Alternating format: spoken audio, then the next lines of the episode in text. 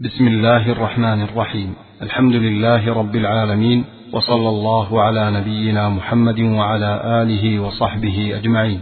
يسر مركز الوسائل بوزارة الشؤون الإسلامية والأوقاف والدعوة والإرشاد في المملكة العربية السعودية. أن يقدم لكم المكتبة الصوتية لمعالي الشيخ صالح بن عبد العزيز آل الشيخ. وعنوان هذه المادة فضل العلم والتعليم. الرحمن الرحيم. الحمد لله والصلاة والسلام على رسول الله وعلى آله وصحبه ومن اهتدى بهداه. اللهم علمنا ما ينفعنا وانفعنا بما علمتنا واجعلنا من أهل العلم والعمل يا أرحم الراحمين. ثم نحيي الإخوة في إقبالة هذه الدروس بعد قضاء من قضى في الحج أو في التعبد أو فيما أباح الله جل وعلا. ولا شك أن طالب العلم والمؤمن الحق لا ينفك عن العلم وعن التعبد بالعلم تعلما وتعليما أو بالدعوة تعلما وبذلا أو بأنواع العبادة القاصرة لا ينفك عنها في أي حال من الأحوال. أو هذا الذي ينبغي أن يكون عليه الناس لأن العمر أقصر من أن يبذل في غير ما ينفع. فأسأل الله جل وعلا أن يجعل عمري وعمركم كله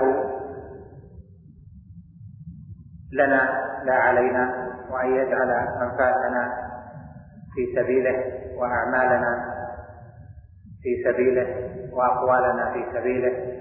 وأن يجعلنا من المتبعين لسنة النبي عليه الصلاة والسلام في القول والعمل والاعتقاد. إنه سبحانه جواد كريم. ثم كما جرت العادة في إقبالة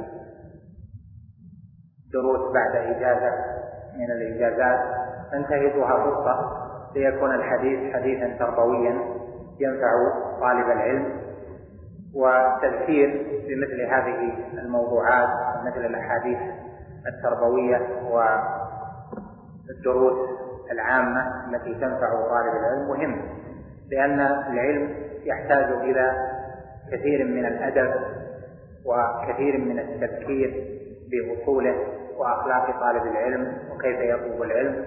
كما ترون أن قد أخذنا من ذلك و بينا كثيرا مما يحتاجه الإخوة ونحتاجه جميعا.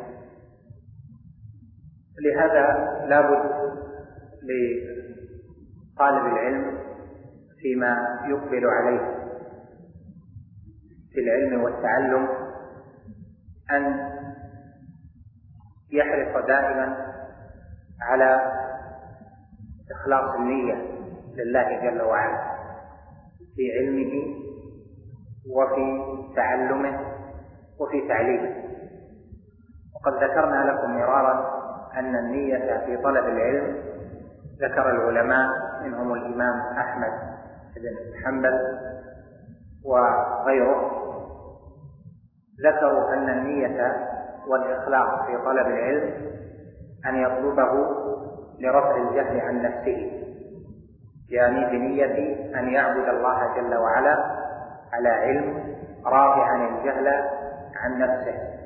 ثم إذا أراد أن يكون من ناشر العلم أن ينوي أيضا رفع الجهل عن غيره وتبليغ رسالة الله جل وعلا وتبليغ كلامه وكلام رسوله صلى الله عليه وسلم للناس.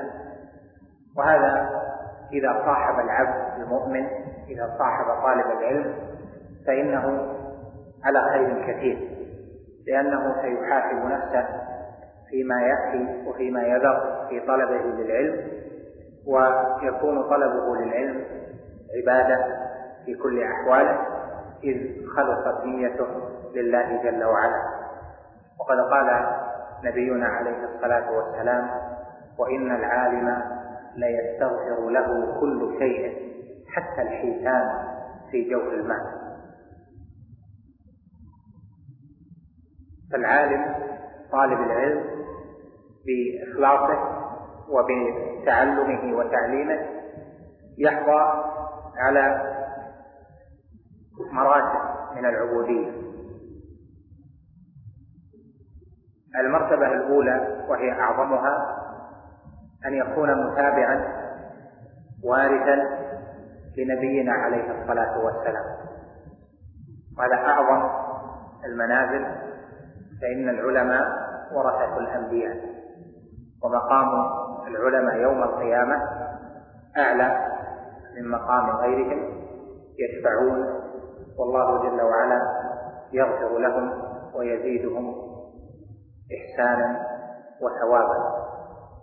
قال سبحانه يرفع الله الذين آمنوا منكم والذين أوتوا العلم درجات يعني أن أهل الإيمان مرفوعون عن غيرهم وأن أهل العلم من أهل الإيمان مرفوعون درجات على غيرهم. والثاني أن طالب العلم الذي خلصت نيته فيه قد أتى بسبب من أعظم الأسباب في مضاعفة الحسنات التي يعملها لأن الحسنة بعشر أمثالها إلى سبعمائة ضعف إلى أضعاف كثيرة. وهذه المضاعفة في أكثر من عشرة من عشر حسنات إلى سبعمائة ضعف إلى أضعاف كثيرة. منها من أسبابها الخير المتعدي العظيم الذي منه الجهاد في سبيل الله ومن الجهاد الجهاد بالعلم والتعلم والتعليم. فإذا يحظى طالب العلم بحرصه على العلم بعد المزية الأولى أنه ممن تضاعف لهم الحسنات إلى سبعمائة ضعف إلى أضعاف كثيرة. وقد صح عنه عليه الصلاة والسلام أنه قال كما في الصحيح من سلك طريقا يلتمس فيه علما سهل الله له به طريقا إلى الجنة.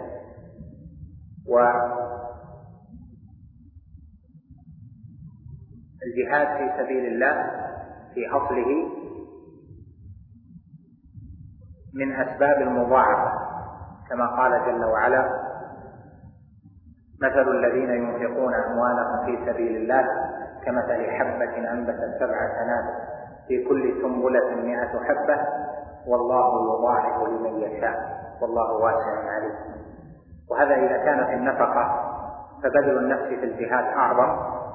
ومعلوم أن نشر العلم والجهاد بالقرآن أنه أعظم من مجرد النفقة التي يعان بها الآخرون. ولهذا قال أهل العلم إن العلماء الربانيين العالمون العاملون المعلمون الذين يربون الناس بصغار العلم قبل كباره هؤلاء من أعظم المجاهدين في سبيل الله.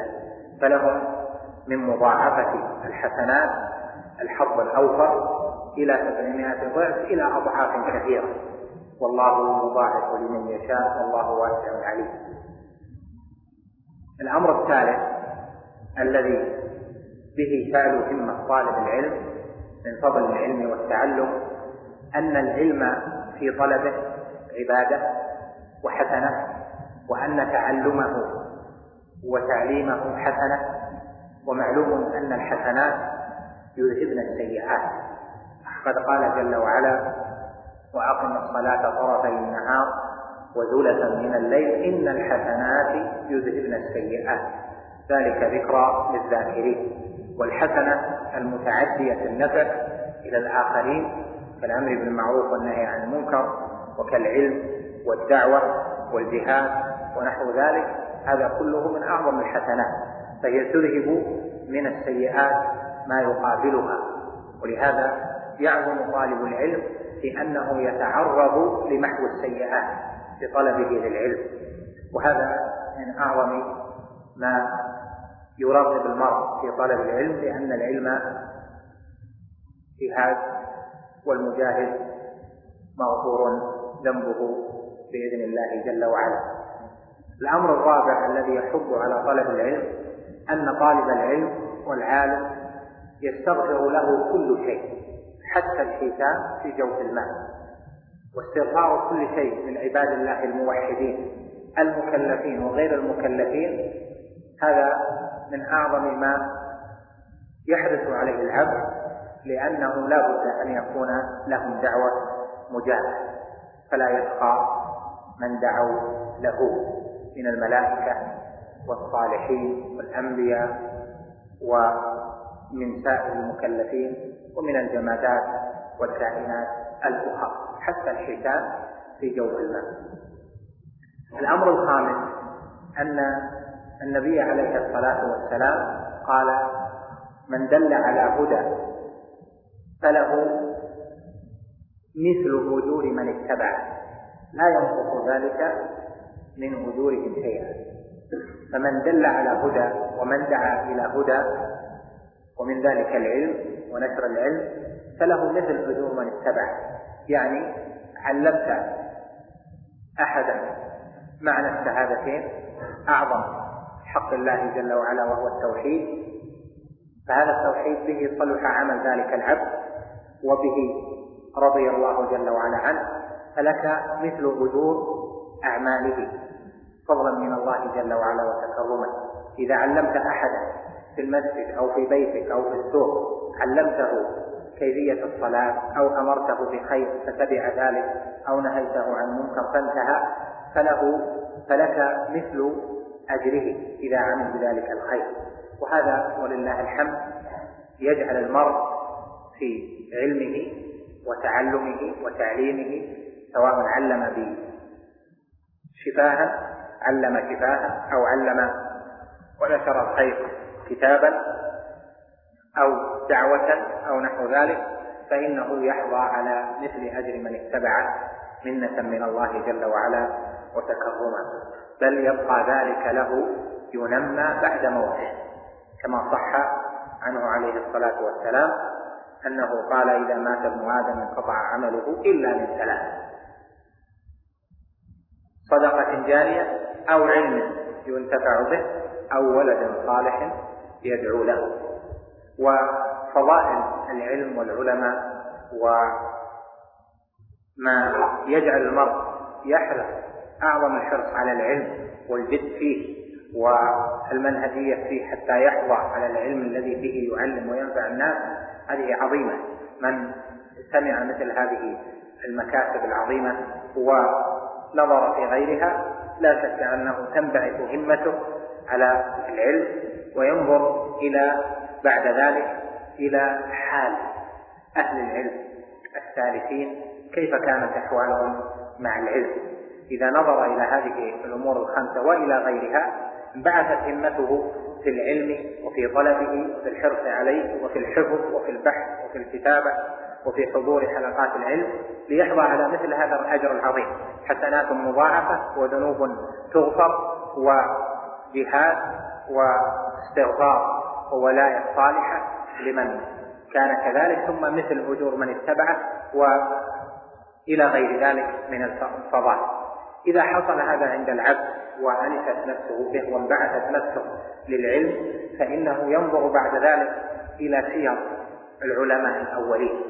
ينظر إلى سير علماء الأمة من الصحابة رضوان الله عليهم إلى زماننا هذا. النظر في تراجم أهل العلم من الصحابة ومن بعدهم ينظر به ينظر المرء إلى أخلاق القوم وإلى سيرتهم وإلى أعمالهم فتنهض نفسه وتنشر في طلب العلم. يرى أهل الهمم العالية كيف لم يؤثروا الدنيا على ما عند الله جل وعلا كيف لم يؤثروا الدعاء والسكون على طلب العلم ونشره والحرص على ذلك وتعلمه ومعاهدة العلم وتكراره وتعليم ذلك. فإذا نظر إلى هذا ونظر إلى السير نشطت همته وعلت رغبته أكثر وأكثر لأن المرء إذا رأى أمثلة تمشي في هذا الأمر صار له من الدواعي أكثر مما لو كان الكلام نظريا ليس له أمثلة. لهذا لا بد من مطالعة تراجم أهل العلم تراجم الصحابة رضوان الله عليهم. انظر مثلا ترجمة ابن مسعود رضي الله عنه ابن عباس رضي الله عنهما. ابن عمر رضي الله عنهما الصحابة الذين طلبوا العلم وكانوا صغارا في عهد النبي عليه الصلاة والسلام تجد أن في سيرتهم من العجائب والتربية ما يبعث الهمة ويقوي العزيمة. ابن عباس رضي الله عنه مكث مدة من الوقت على باب زيد بن أرقم رضي الله عنهم تسفي عليه الريح التراب. يريد انتظاره متى يخرج حتى يسأله. فلما خرج زيد ونظر إلى قال ألا أخبرتنا أنك هنا يا ابن عم رسول الله صلى الله عليه وسلم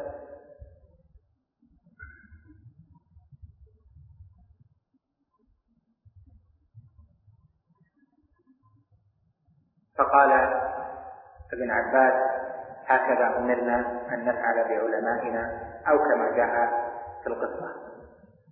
سيرة ابن عباس مع العلماء مع عمر رضي الله عنه كيف كان يخالطه كيف كان يخاطبه وله حقوق كثيرة عمر رضي الله عنه. لكن ابن عباس عامله في استفادته في العلم استفادته العلم منه يعني من عمر معاملة خاصة حتى أخذ منه علما كثيرا. خذ مثلا في تفسير قوله تعالى إن تتوبا إلى الله فقد طغت قلوبكما من المرأتان اللتان تظاهرتا على رسول الله صلى الله عليه وسلم؟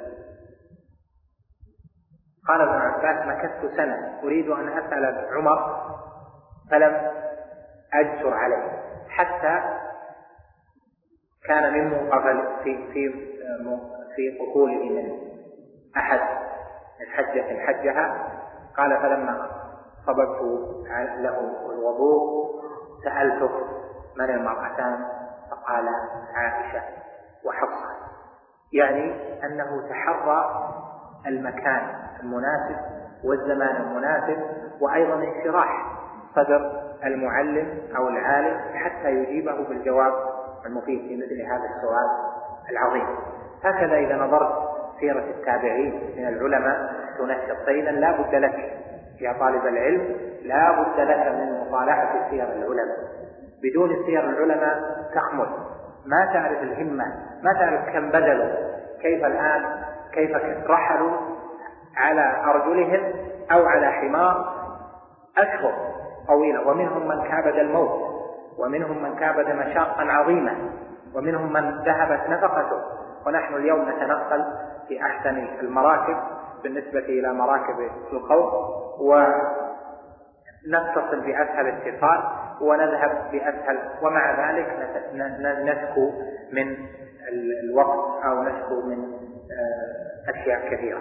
فمطالعة سير الأولين تعلم أنهم صاروا علماء بهمة بعد توفيق الله جل وعلا وبجهد وبجهاد. الإمام أحمد رضي الله عنه ورحمه من صلاح نيته في قوله وفي عمله أنه لما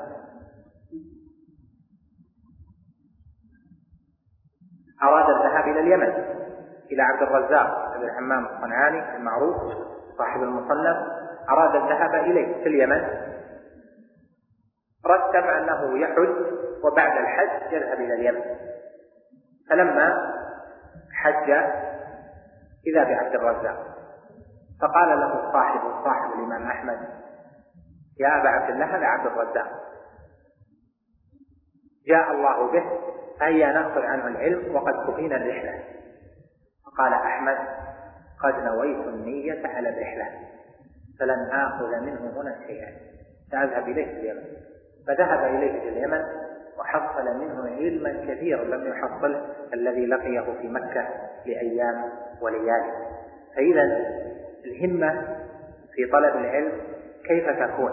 ليست هي نظرية لا بد من رؤية أمثلة لها. هذه الأمثلة تأخذها من تراجم أهل العلم. تنظر إلى تراجم المشهورين وغير المشهورين. ومن أحسن الكتب التي تطالع فيها تراجم أهل العلم كتاب تذكرة الحفاظ للحافظ الذهبي وكتاب سير أعلام النبلاء له أيضا وغير ذلك من الكتب التي فيها ذكر التراجم وهي كثيرة جدا يصعب حصرها أو إحصاؤها لك في مثل هذا المقام. أيضا مما يعتني به طالب العلم هي مرحلة ثالثة في تنشيط نفسه في طلب العلم حتى لا يغفل أن يكون دائم الاتصال بربه جل وعلا وخاصة كلام الله جل جلاله. فطالب العلم الذي يغفل عن القرآن تلاوة وحفظا بل حفظا قبل التلاوة ثم تلاوة فإنه مجروح يعني قد أصيب ليس مجروح يعني بعدالته لكنه قد أصيب في نفسه. لأنه بدون القرآن مات النفس لا تنشرح. للعلم ولطلبه لأن العلم ما هو؟ تفقه في كتاب الله جل وعلا وفي سنة رسوله صلى الله عليه وسلم. ولذلك أنا أعتب على كثير من الإخوة ممن لهم مدة طويلة في طلب العلم أنهم لم يحفظوا القرآن. إلى متى؟ الشباب عمر سيذهب والزمن ينقضي وقوة الذهن وقوة الحافظة والفراغ أسباب تعينك على حفظ كتاب الله جل وعلا. والقرآن ميسر. ولقد يسرنا القرآن للذكر فهل من مدكر وطالب العلم إذا لم يحفظ القرآن فلن تأتيه الاستدلالات. إذا سمع استدلالات أهل العلم فلن يحفظ. هل يحفظ كل آية؟ تمر به. العلم ما هو؟ العلم دليل من الكتاب أو من السنة أو من كلام الصحابة أو كلام أهل العلم. هذا هو العلم. فإذا لم يحفظ القرآن ولم يحفظ السنة يعني يحفظ كثيرا من السنة ولم يحفظ القرآن تأتي مواقع الاستدلال فتفوته. لذلك تأتي كلماته يعوزها الحجة يعوزها الدليل والدليل نور كلام الله جل وعلا نور في صدره وأيضا نور في الحجة والاستدلال. فإذا طالب العلم لا يليق به أن, لا أن يكون غير حافظ لكتاب الله جل وعلا. فمن من الله جل وعلا بحفظ كتابه فليشكر الله جل وعلا على هذه النعمة. التي وصفها الله جل وعلا في سورة العنكبوت بقوله بل هو آيات بينات في صدور الذين أوتوا العلم. بل هو آيات بينات في صدور الذين أوتوا العلم. وهو نور. كتاب الله جل وعلا الذي فيه الحجة وفيه العظة وفيه العبرة و أنس العبد المؤمن أنس طالب العلم وحجته بلا كتاب كيف يحتج وبما يحتج. نكون دائما من أهل الرأي أو ممن يقل استدلالهم بالقرآن إذا خطب فخطبته إما أن تكون فيها آية أو لا تكون وإذا تكلم فيقل استدلاله بكتاب الله جل وعلا هذا ضعف. لذلك طالب العلم كلما قوي حفظه لكتاب الله وتأمل وهو يتلو مواقع الاستدلال فإنه سيكون عنده حجة مبينة وحتى هو يحس من نفسه أنه على نور. لأن كتاب الله جل وعلا نعم. إذا فلا بد له من العناية بكلام الله جل وعلا حفظا ثم تلاوة وتعاهدا ثم فقها لا بد من فقه فقه القرآن الأحكام يمر على تفسير يمر على كتاب في أحكام القرآن ونحو ذلك فيعرف ما اشتمل عليه هذا الكتاب العظيم. ثم العناية بسنة النبي عليه الصلاة والسلام. وسنة النبي عليه الصلاة والسلام. ولله الحمد محفوظة محفوظة في الكتب والعلماء المأمونون على نشر السنة وعلى بيانها وبيان أحكامها وما اشتملت عليه. ولله الحمد موجودون. فطالب العلم إذا حفظ منها ما تيسر فإنه يسهل عليه حينئذ أن يفهم معاني الأحاديث. يعني يحفظ الأربعين النووية يحفظ في الأحكام عمدة الأحكام بلوغ المرام يكرر ذلك كثيرا. يحفظه مرة واحدة ثم إذا آه، مثلا ما تعاهد وتفلت منه يكرر ذلك يمر عليه مثلا كل كم شهر مرة على البلوغ ونحو ذلك يكون معه. الأحاديث تكون معه. سنة النبي عليه الصلاة والسلام تكون معه.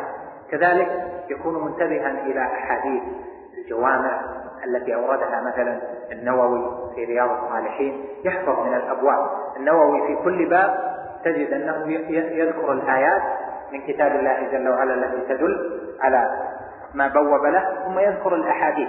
تأمل طالب العلم يحفظ هذه الآيات ويحفظ الأحاديث أو شيئا منها ويوطن نفسه بعد ذلك على معرفة العناوين معرفة الأبواب.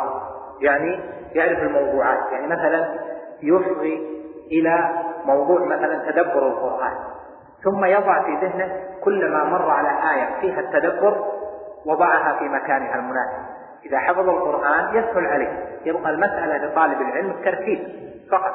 يعني تجد أنه يستدل بخمس آيات ست آيات في الموضوع الواحد. ما يعوزه التذكر ولا الحفظ في ذلك. كذلك إذا كانت معه أحاديث كثيرة فإنه ينتبه إذا كان حفظ ينتبه ففي الموضوع الواحد يدرك عدة أحاديث في ذهنه حتى تجتمع تحت الأبواب ثمان آيات والأحاديث ثم معها بعد ذلك كلام أهل العلم في بيان ذلك. فإذا أراد أن يتكلم في أي زمان وفي أي مكان لم يعوزه التحضير ولا عوزه الجهد في الاستعداد لا يبدأ والله جل وعلا يفتح عليه. لما؟ لأن الآلات معه معه القرآن. ومعه السنة يعني ما شاء الله جل وعلا من القرآن وما شاء من السنة معه الموضوعات والعناوين ثم يبين والعلم ما هو؟ النافع للناس هو كلام الله جل وعلا وكلام رسوله صلى الله عليه وسلم ثم بيان أهل العلم لمعانيهما فالعلم كما قال الحافظ الذهبي العلم قال الله قال رسوله قال الصحابة ليس خلف فيه. ما العلم نصبك للخلاف سفاهة بين الرسول وبين رأي فقيه؟ أو كما قال النووي أو كما قال ابن القيم في نونيته والعلم العلم قال الله قال رسوله قال الصحابة هم أولو العرفان. ما العلم نصبك للخلاف سفاهة بين الرسول وبين رأي فلان؟ وقال في بيان العلم والعلم أقسام ثلاث ما لها من رابع والحق ذو تبيان. علم بأوصاف الإله وفعله وكذلك الأسماء للديان. والأمر والنهي الذي هو دينه وجزاؤه يوم المعاد الثاني. والكل في القرآن والسنن التي جاءت عن المبعوث بالفرقان. والله ما قال امرؤ متحذلق والله ما قال امرؤ متحذلق بسواهما إلا من الهذيان. في أول الأبيات قال والجهل داء قاتل وشفاؤه أمران في التركيب متفقان. يعني شيء واحد. نص من القرآن أو من سنة وطبيب ذاك العالم الرباني. إذا طالب العلم إذا حفظ القرآن وحفظ من السنة ما حفظ يرتب نفسه على الأبواب. ما يقرأ يقرأ يقرأ ويمر على الأحاديث ولم يرتب قلبه لم يرتب عقله لا. تعوزه الحجة. إذا أتى موضوع ما تجد عنده بيان فيه لكن يبدأ يرتب. يعني الجمع ثم بعد ذلك يبدأ يرتب المعلومات التي في ذهنه ويضع لنفسه عناوين.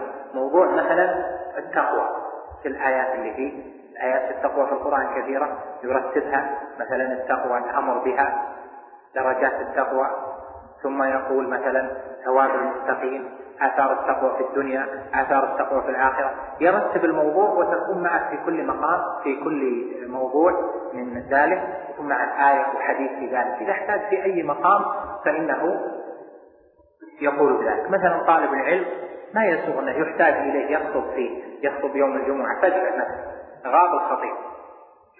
ما ما يستطيع أن يخطب يقول أنا ما استعديت ما يليق طالب العلم ذلك لأن ال الذي ينبغي أن العلم يتحرك مع طالب العلم. يتحرك معه بمحفوظه بما تحفظ. فإذا كانت المعلومات مترتبة فإنه يكون الأمر سهلا. وكذلك إذا احتيج له في مجلس مثلا جلس وأراد أن ينفع الناس يتكلم بماذا؟ لابد أن يعرف ما ينفع الناس من الحديث في بعض المقامات تصلح الموضوعات العامة في آه، محضر مثلا عوام من أقاربك أو من أهلك في بيتك أو نحو ذلك. تبدأ في موضوع تذكر به يكون فيه صلة عامة في ذكر مثلا التقوى التوحيد وصوله وما يتصل بذلك. لا بد يكون الموضوع مرتب عندك يعني تكون الموضوعات مع أدلتها وكلام أهل العلم فيها مرتبة. كثير من طلبة العلم من الشباب ومن عنده معلومات ومحفوظات لكنه لم يرتب. فإذا لابد لطالب العلم بعد حفظ القرآن والسنة أن يرتبه. إذا رتب عقله في المعلومات رتب قلبه فيما يحفظ فيما يعلم في الموضوعات تتكاثر مع الزمن شيئا فشيئا حتى يكون عنده علم كثير وراسخ. والعلم كما تعلمون يأتي شيئا فشيئا. من مزايا الترتيب أن المعلومة ما تمر تذهب إذا جاءت معلومة جديدة تستقر في مكانها من القلب أو من العقل. أما إذا لم يرتب فإن تأتي وتذهب مرت عليه ونسيها لكن إذا وطنت نفسك من الصغر على أن تكون مرتبا جاءت المعلومة سمعت كلمة لأهل العلم وضعتها في موضعها في الباب نفسه في الفقرة نفسها. إذا قرأت شيئا مناسبا وضعته إذا مر بك لطيفة من لطائف العلم آه، فائدة في تراجم أهل العلم وضعتها في موضعها. مرة مثلا تلقي كلمة تتذكر شيئا يعني تأتي وأنت تتكلم تتذكر أشياء كثيرة لكن فيها أشياء ما تتذكرها وهي عندك لكن ما خرجت في ذلك الوقت. لكن مرة أخرى تخرج ويخرج غيرها وهكذا يكون طالب العلم في تجدد حتى إنه يلاحظ بعض الأحيان أن المعلومات تتزاحم ويختصر لأجل ألا يطيل على الناس وهذا هو العلم. لذلك نرى أن شيخ الإسلام ابن تيمية مثلا فيما تقرأون تتلاقى المعلومات تتلاقى لذلك يطيل الاستطراد وإذا أتى قال وهذا موضع موضع أطال فيه 200 صفحة 300 صفحة كتاب أحيانا مجلدات يقول ويضيق المقام عن بسط هذه المسألة لا لبسطها موضع آخر. لأن المعلومات تزاحمت جدا فما يستطيع أن يؤدي كل ما عنده في هذا الموضوع هذا هو حقيقة العلم. ولكن هذا يأتي شيئا فشيئا بعد الحفظ ويكون ومعرفة كلام أهل العلم يكون الترتيب ترتيب الموضوعات ترتيب المعلومات. من الوصايا أيضا التي ينبغي لطالب العلم أن يعتني بها وهذه ذكرت ذكرتها لكم قبل ذلك لكن لابد من التأكيد عليها هي أن يكون لطالب العلم كراس فوائد. الفوائد تمر. كثير ما تقرأ فائدة تمر. والفائدة ليس معناها أنها فائدة ضابط فقهي ضابط في الحديث ضابط كلمة نفيسة لا. فائدة ممكن أن تكون حكمة ممكن أن تكون سيرة. من سير أهل العلم ممكن أن تكون لطيف.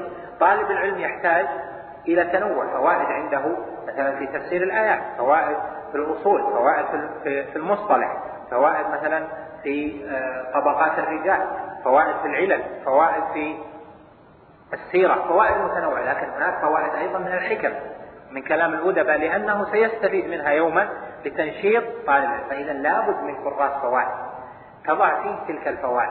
هذه الفوائد بعد حين إذا رجعت لها واستذكرتها تجد أنك تستفيد منها كلما رجعت إليها.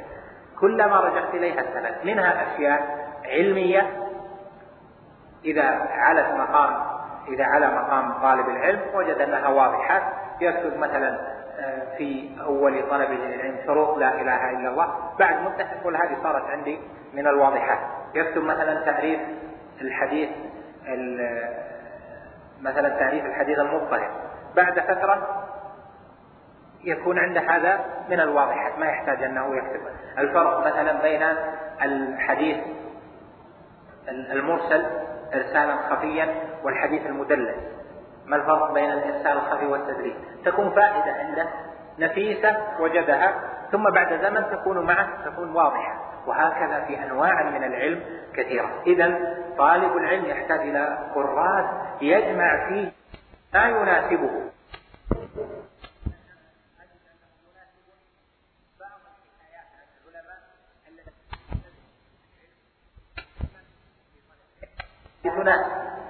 آخر يجد أن الذي يناسبه في حكايات العلماء لا يناسبه مثلا فيهم مولده وفاته آه، أشياء مما آه، يهتم به. كل واحد له ميول يجد فيه لكنه إذا جمع كراسا وجد أنه به حياة. حتى إذا وجد ساعة أو ساعات في نفسه فيها ركود ما نشط في طلب العلم أو آه، يحب يحب أن يستريح قلب هذه الكراسة وجد فيها فوائد. هو انشرحت نفسه لأنه كتب هذه وفيها فوائد ويعجب بلطائف ونحو ذلك وهي علم أيضا تذاكر العلم. وما أحسن فعل ابن الجوزي لو آه، يعني استطعناه بعض الأحيان أنه كان قال وقد ابتليت بجماعة في صيد الخاطر ابتليت بجماعة من البطالين الذين يحبون كثرة الزيارة فإذا أتوا شغلت الوقت معهم فيما لا أحتاج معه إلى ذهن في تقطيع الورق أو بري الأقلام أو إعداد الورق أو تسطيره أو نحو ذلك وأنا معهم فيما يريده. وهذا من استغلال الوقت واستغلال الزمان لأن العمر قصير خاصة فترة الشباب هي فترة التحصيل إذا فاتت بعد ذلك كما قال عمر تفقهوا رضي الله عنه تفقهوا قبل أن تسودوا ويبدأ التسويد بالزواج. إذا تزوج المرء بدأت سيادته بدأ تسويده خلاص. تبدأ نوع من الوقت يذهب. إذا جاء عيال صار فيه مزيد من الواجبات الشرعية لا بد من أدائها وهكذا يبدأ المرء. تكبر أسرته يكبر علاقاته وهكذا تفقهوا قبل أن تسودوا. فيستفيد طالب العلم من فترة شبابه لذلك ينبغي لنا أن أن آه، نحض أنفسنا على هذه الآداب التي هي في الواقع من صميم العلم لأنها وسيلته والوسائل لها أحكام المقاصد. أسأل الله جل وعلا أن يجعلني وإياكم ممن من عليهم بالثبات على العلم النافع وأن يرور قلوبنا بالبصيرة وبملازمة الكتاب والسنة وأن يجعلنا ممن يحبون أهل العلم وينفون عنهم ويدافعون عنهم وأسأله سبحانه أن يجعل علمنا حجة لنا لا حجة علينا وأن يقينا الشرور ومضلات الفتن.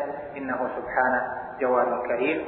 وأسأل الله جل وعلا أن يغفر لنا وذنوبنا وخطايانا وأن يبارك لنا في قليل أعمالنا وأن يعفو عنا وعن آبائنا وأمهاتنا وولاة أمورنا وعلمائنا ومن له حق علينا إنه سبحانه جواد كريم.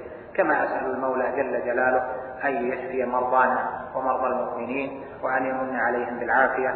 اللهم من كان له مريض منا فعافه ومن كان له منا ضال فاللهم اهده. إلى سبيل سبيلك القويم اللهم نور بصائرنا وبصائر أحبابنا واشف مرضانا وفرج همومنا وهموم المهمومين واقض ديوننا وديون المدينين إنك على كل شيء قدير. وصلى الله وسلم وبارك على نبينا محمد.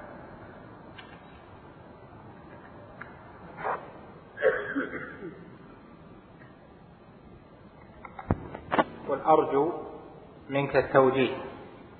لي في هذا الأمر وهو أني حفظت القرآن ولله الحمد منذ فترة وطلب مني بعض الإخوة تدريس القرآن والانشغال بذلك ولكنني لا أدري أيهما أفضل هذا الأمر أو الانشغال في طلب العلم لا سيما وأن كثيرا من الشباب أصبح هذا ديدنهم بعد حفظ القرآن القيام بتدريسه وعدم طلب العلم إلا القليل.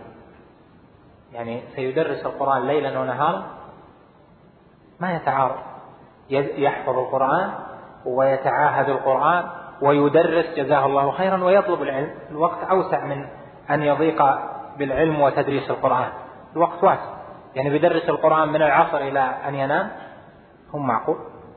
ما يجد في الأسبوع وقت لطلب العلم؟ هذا ما, ما يعقل. المهم الهمة والرغبة. إذا وجدت الهمة والرغبة سهل الأمر الواحد يلاحظ في نفسه وكل منكم يلاحظ هذا الأمر. إذا اهتوى الواحد شيء يجد وقت ولا ما يجد؟ يفضي نفسه. والله هذول الإخوان بيروحون والشباب ما أدري بيروحون كذا ونروح في كذا يجد وقت يصرف نفسه ويجد.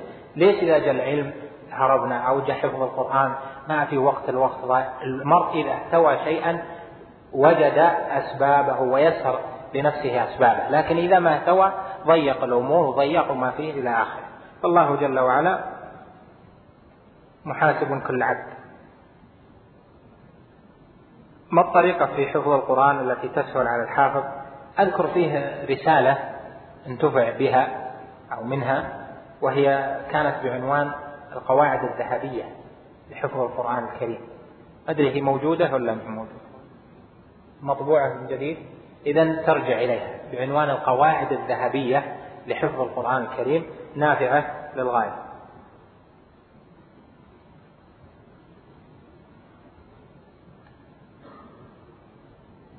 هذا سؤال كثيرا ما يأتي. يقول أشكلت علي مسألة في طريقة العلم وهذه المسألة كيف نتدرج في حفظ المتون العلمية؟ هذه أجبت عنها في إجابة مفصلة آه، في مجالس مختلفة وفيه آه، شريط آه، نشره بعض الإخوة أو جزاهم الله خير أعانوا على نشره كان بعنوان المنهجية في طلب العلم. هذا لعلك أن ترجع إليه. والشيخ عبد الرحمن بن سعدي أيضا في أول الفتاوى له سئل ما نصيحتك لطالب العلم في حفظ المتون؟ فكتب عدة صفحات بكتابة متينة من عالم مجد أنا أحفظ القرآن الكريم لكن مشكلتي أنني حينما أريد أن أستشهد يصعب علي إخراج الآية. فما هو الحل؟ الحل أن تعرف الأبواب كما ذكرت لك. تعرف الأبواب ثم إذا مرت آية قل هذه الآية في الموضوع الفلاني. لأنه ليس المقصود من حفظ القرآن أن تهد تلاوته. المقصود التدبر والمقصود العلم بالقرآن ثم العمل به. هذا هو المقصود من إنزال القرآن أن يعلم وأن يعمل به. فإذا كان العبد من الله عليه بحفظ القرآن فيرتب يعرف هذه الآية تصلح دليلا في التوحيد أو استدل بها أهل العلم في توحيد العبادة. هذه الآية في توحيد الربوبية هذه الآية في التدبر هذه الآية في التفكر هذه الآية في الوضوء طهارة. يرتب ذلك ويعينه الله جل وعلا.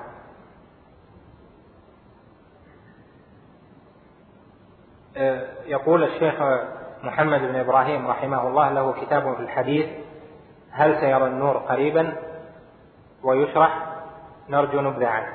الكتاب هذا آه، جمع فيه الشيخ رحمه الله آه، ألف حديث تقريبا وأسماه تحفة الحفاظ ومرجع القضاة والمفتين والوعاظ. وهذه الأحاديث على نحو البلوغ يعني من أوله إلى آخره في كتاب الآداب. أوله في بدء الوحي والنية في طلب العلم ثم يمشي في الأبواب الفقهية إلى أن يختمه بكتاب الآداب. ولكنه آه، جمع فيه ما في الصحيحين أو في أحدهما فقط. وأخرج متونا رحمه الله مفيدة جدا في مسائل عديدة آه، يستدل بها من يستدل من العلماء السابقين